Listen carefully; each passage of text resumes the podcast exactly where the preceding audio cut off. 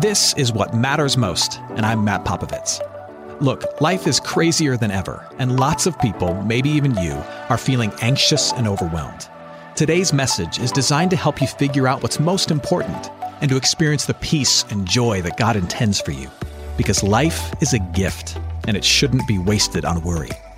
I'd like to give you a resource, something to help you navigate the road ahead. Just go to mattpopovits.com, click on the icon, and we'll send it to you. That's Matt, P-O-P-O-V-I-T-S dot com. And hey, if you happen to live in the Houston area, I'd love to see you on a Sunday morning at St. Mark in Spring Branch. Head to stmarkhouston.org to plan your visit. Here's today's message. Thanks for listening. So join me in Matthew chapter 3. To be in this world is to be responsible and accountable. Now, into this world enters Jesus. He's born as a baby in Bethlehem, but 30 years go by before he starts his public ministry. 30 years go by before he kind of comes out of hiding and he says, all right, I'm going to press play on saving the world. And the first thing that he does, the first thing that he does is he finds his cousin, John the Baptist. John the Baptist is out in the woods baptizing people. That's why he's called John the Baptist, the baptizer. He didn't go to a Baptist church. Those didn't exist back then. He was baptizing people out in the woods as a way for people to, to signify that they, they were failing in their responsibilities in this world. They recognized that they were falling short as human beings, that, that if they were to be held accountable in every relationship that they have and every responsibility that they have, that they would come up short. These people were recognizing that and saying publicly to the rest of the world that, that I need a fresh start with God.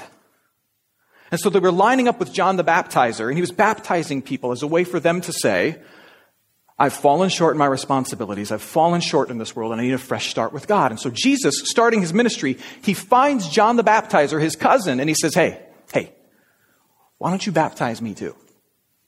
And John the Baptist, knowing that Jesus was kind of extra special, got confused and he said, Whoa, well, but, but you're not like everybody else. You're not imperfect like we're all imperfect. You don't need to uh, get a do-over with God. You're here to lead us to God, not, not get baptized and, and tell the world that, that you need to get right with God. And Jesus says, I know, but listen to this. Matthew chapter 3, verse 13, Jesus says this. Jesus answered John, Let it be so now that I be baptized. For thus it is fitting for us to fulfill all righteousness. Then John consented. Now, the key phrase there is fulfill all righteousness, which is just a fancy way of saying this. I came here to be perfectly responsible. I came here to do all the right things. I came here to fulfill all righteousness. I came here to be perfectly responsible, to do all the right things that a human being should do. And by being baptized, Jesus was not saying that he was imperfect and, and needing to get right with God, as everybody else was saying. He was, by being baptized, he was aligning himself with the imperfect people. He was, he was connecting himself to the imperfect people as a way of saying, I'm here to be responsible and to be perfect for these people. And by being baptized, it was Jesus' way of kind of putting on their shoes and putting on their coat and saying, I'm about to be the responsible, accountable person that these people cannot be. By being baptized, Jesus was putting on our shoes and aligning himself with all of us who know, who know that we fall short. See, here's what Jesus knew. Jesus knew that, that when I fall short in my marriage, that when I fall short in my job, that when I fall short as a friend or a citizen, that all of those responsibilities that I screw up, those are ultimately tied to one big responsibility to God. That, that all of the relationships I have this way, with all the pressures and things, that, that, that sometimes I'm, I'm doing really well in, and most of the time I'm, I'm kind of barely getting by in. That all of these responsibilities that I have this way are really connected to one ultimate responsibility that I have this way with God. Like a, like a series of Christmas lights that are plugged in one strand to the next strand to the next strand. It ultimately goes all the way back to one power source. that the responsibility I have in my job, in my work, in my marriage ultimately flows to one responsibility I have with God that I often get wrong. Now jump to Matthew chapter 4, starting at verse 1. So Jesus gets baptized and he is going to fulfill all righteousness. He's going to be perfectly responsible on behalf of all the people who know they screw up this way and they screw up this way. So he gets baptized as a way to align with us and say, hey, I'm going to be responsible for Pastor Matt. I'm going to be responsible for everybody else. And then he's taken into the desert. Listen to this. Then after the baptism, Jesus was led by the Holy Spirit into the wilderness to be tempted by the devil. Sounds like a ton of fun. And after fasting for 40 days and 40 nights, he was hungry just a bit. Now, this is, uh, seems like a strange moment in Jesus' ministry, but, but this is a very purposeful moment. Jesus' time in the desert is meant to, to represent my life Matt's life, meant to represent your life. It's meant to be a, a, representation of every human being in this world who falls short of God's expectations. This is Jesus um, playing out your life as a way of, of doing perfectly for you what you cannot do perfectly in your life. So Jesus puts himself into a tough environment, the wilderness, the desert, with a lot of temptation um, with all the things that tend to pull us away from one another and from God in an effort to, to replay and to cover over and to, to do perfectly what I cannot do perfectly in my tough environment, in my world of temptation, where I am pulled from God. Jesus goes into the wilderness as a way of reliving your life here in the wilderness, but he's going to do it perfectly to cover over our imperfection. Okay? Now, Matthew chapter 3, chapter 4, starting at verse 3. Now, now Jesus is going to face three big temptations in the wilderness that, that are meant to be the, the biggest versions of all the temptations that you and I face in our life of failing to be responsible to one another, but ultimately responsible to God. Matthew chapter 4, starting at verse 3. So the tempter comes to Jesus and says this If you are the Son of God, command these stones to become loaves of bread. But Jesus answered, It's written, Man shall not live by bread alone, but by every word that comes from the mouth of God. The first temptation here is very simple. The tempter, the devil, comes to Jesus and he says to Jesus this He says, Prove yourself by providing for yourself. He says, prove that you're the son of God by providing for your own hunger. Now, this is not a temptation for Jesus to prove his cooking skills. This is not the devil hosting like, you know, you know, top chef. This is very purposeful. This is about Jesus and where he, in his life in the desert, representing our lives in the world, where he is going to anchor his identity. It's about identity. One of the great lies of the devil, and the devil is real, one of the great lies of the devil is this. He will try to get you to prove the things that God has already proclaimed by obsessing over secondary things that will never satisfy you. One of the great schemes of the devil is to convince you to prove the big things in your life that God has already settled for you like whether you're loved and whether you're forgiven and whether you have value, by obsessing over secondary things that will never, ever satisfy you. And so he comes to Jesus and he gives Jesus the exact same temptation that he gives to you and me. And Jesus says, no, I'm not, I'm, I'm, not, I'm not taking. I'm tempted, but I'm not taking. Life is more than what my stomach says I need. My life will be centered on the truth of who God says I am. And by not taking that bait, Jesus responsibly does in his desert what I so often fail to do in mine, which is to anchor my identity and my worth and my status on the activity of God on my behalf through Jesus and not on the work of my hands or the judgment of my peers. So Jesus is responsible when I am not. Second temptation comes. Jump to verse 5. Then the devil took him to the holy city and set him on the pinnacle of the temple and said to him, If you are the Son of God, throw yourself down. For it is written, God will command his angels concerning you, and on their hands they will bear you up, lest you strike your foot against a stone. And Jesus said to him, Again, it's written, You shall not put the Lord your God to the test. So the devil is like, All right, so if you're so insistent on trusting in God's power, then let's give God a chance to show it. Why don't you climb up on the top of this temple and do a cannonball off the side of it, and let's see if God catches you. I mean, if he loves you, let's put him to the test and let him show his love to you. Rather than trust God, one of the big temptations is in our life that Jesus is facing right here, something that pulls the rug out of us being responsible to one another, but ultimately for us being responsible to God, is this temptation that we have to manipulate God. And you and I see this all the time. And you really don't have to be a follower of Jesus Christ to be guilty of this one because we're all kind of guilty of this one. Um, anytime that we find ourselves giving an ultimatum to God, we are giving in to the same temptation that Jesus is facing in this moment. And, and we give ultimatums to God all the time where we say, look, Lord, if you really love me, man, you will make this happen. If you're really a nice God, then why did you allow that to happen? Or why won't you make this happen? If I, if you're really there, I'll take a cannonball off the temple and you'll catch me, right? That's manipulation. It's manipulation like this. We define what good looks like, and then we thrust it upon God, and we demand that He meet that standard, and if He doesn't, then we dare to claim that He's not good or He doesn't exist.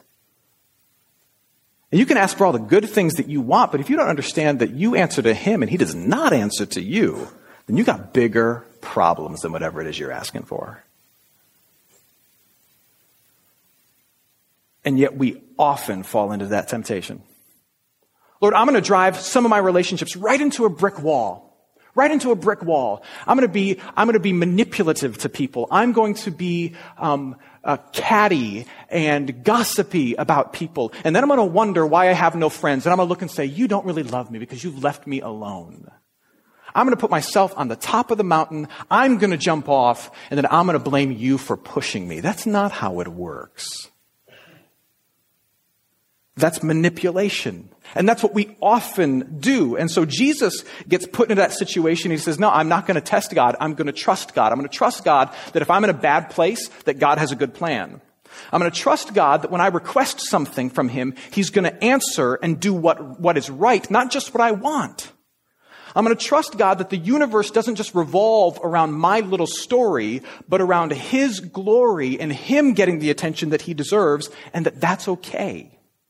And so faced with that temptation to manipulate the Father, a temptation we often fa- fall to, what does Jesus do? He says, dude, I don't, I don't test God. I don't. I, I trust him. And with that, Jesus responsibly refused to manipulate the Father. So, where will you be spending Christmas Eve? Hey, it's Pastor Matt, and if you're in the Houston area, I invite you to join me at St. Mark Houston for one of our three Christmas Eve celebrations. Each will feature the music you love, a message from me, and carols by candlelight. For more information, head to stmarkhouston.org. If you can't worship in person, then join us online. We'll be streaming a special celebration all day online at htxchristmas.com. And now, back to today's message. Devil has one more temptation up his red sleeve for Jesus. Listen now at verse 8. the devil took Jesus to a very high mountain and showed him all the kingdoms of the world and their glory. And he said to Jesus, All these things I'm going to give to you if you fall down and worship me. And then Jesus said to him, Begone, Satan, for it is written, You shall worship the Lord your God, and him only you shall serve. Now, this is the most straightforward of the devil's temptations to Jesus as Jesus is being responsible in our place. He says, All right, Jesus, quit God I know you are God, but just like, you know, put in your resignation letter from the Trinity, worship me instead, and I'll still bless you. I'll give you, I'll give you leadership and lordship over a ton of the world. And if you think about it, um, you know, Jesus is both God and man, and in his in his manness, in his flesh, this must have been the most appealing of the temptations that Satan brought to Jesus. But think about it. Jesus knew that his path to saving the world was not a fun one. Jesus knew that, that this 40 days in the desert of him being perfectly responsible on our behalf was just the beginning. He was going to face a life of persecution from that moment forward that was ultimately going to let, lead him on a cross, dying for the sins of the world, an agonizing death, and then rising from the grave. That was what it meant for Jesus to be obedient to the Father as an act of worship. That's what it meant. And now Satan is saying to him, look, man, you can have the glory without taking the journey. And if I'm Jesus, I'm sitting there saying, man, there's the part of that that's really appealing. And do you know why I know that maybe Jesus is thinking that a little bit? Because me, in my humanity, that's what I think all the time. Because in my flesh and my humanity, worshiping God alone is not appealing at all at times. Because I don't know if you know this about the Christian life. The Christian life is full of grace and mercy and love that flows from the Father's throne. But the life of oh, obedience and worship that I give to Him is not easy. I'm not saved by it. I'm not made right with God by it. I do it in response to a salvation that I already have. But, it, but it's not easy. And it's not attractive according to any cultural standard at all.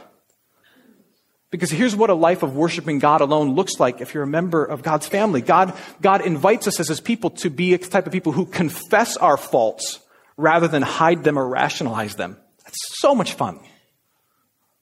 God, God draws me to forgive my enemy rather than exercise my right to shame my enemy.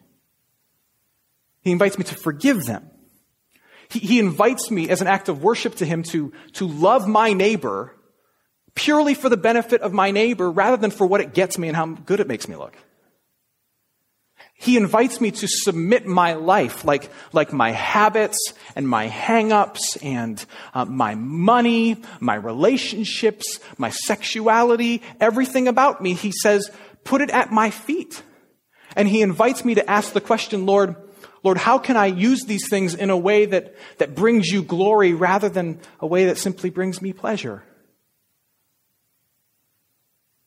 He invites me to find my joy in those things by submitting them to Him rather than simply keeping them to myself and doing whatever I want with them. And that's, a lot of times that's not fun. It will lead to joy, but it's not fun. And so the devil comes to me and he says, man, Matt, maybe you can have the glory without going on the journey of having God be at the center of your life and molding and shaping every choice that you make around who He is and how much He loves you. Maybe you can have the glory without the journey of doing that. And nine times out of ten, so often I'm like, you know what? That sounds so good. And so do you. And yet Jesus is faced with the same temptation, the same temptation. He's put in the same position. And though I often give in, Jesus didn't budge. And in that moment, he was perfectly responsible in worshiping God alone. Mm-mm.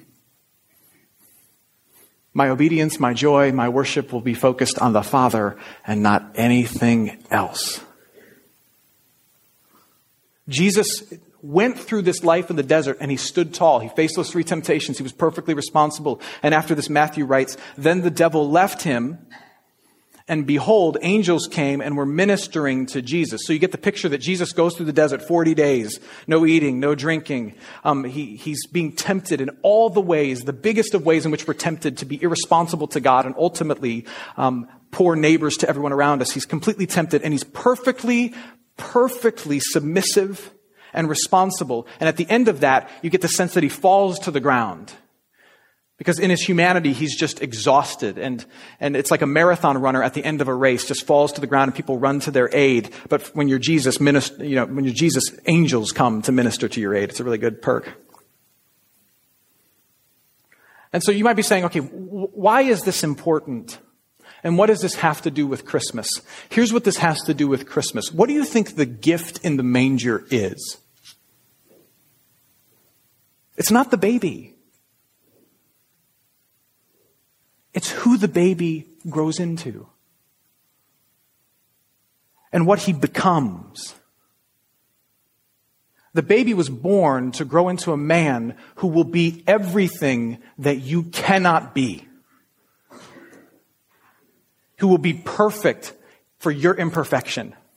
who will be responsible for your disobedience, who will be accountable for when you fall short. He was born as a baby to grow into a man who would live a life in the desert and then ultimately die on a cross in a way that can cover over all of your imperfection and then give it to you as a gift. He was a he was perfectly obedient under the weight of all your responsibilities so that he could give that obedience to you as a gift. And the promise is that now, by, by having faith in Jesus, when the Father looks at me, he doesn't see all the ways I fail him as I walk through this city, and how my mom's disappointed in me, or how I've rejected him in some choice I made today. He doesn't see that. What he sees is Jesus' perfect obedience in the desert. What he sees is Jesus' death on the cross. What he sees is Jesus' resurrection. He sees that when he looks at me, and he says, Matt, though you are irresponsible, you are still my son whom I love love. That is the gift. Likewise, if, if, you're anything like me, then at this time of year, at Christmas, you are going to be painfully aware of your responsibilities in this world. Look, if you've got a screwed up relationship in your life, like if there's someone in your family that you're sideways with, you don't feel it any stronger than at the holidays, do you? When you got to sit at your folks' house with your sister in law, who's a total nut job and who hates you, and you're sideways with her, you, you laugh because you got the sister in law, right? You, you have to sit there with her and you're sideways, and the pang of guilt comes over you, and you say, you know what? This should not be this way or, or the, the weight of responsibility you feel and you, you wish you could do more as a parent for your children in blessing them at Christmas, but for whatever reason, financial issues, work issues, you just can't do as much as you want to do or be as faithful in providing as you think you should be in providing. And so you feel that weight and you feel that shame.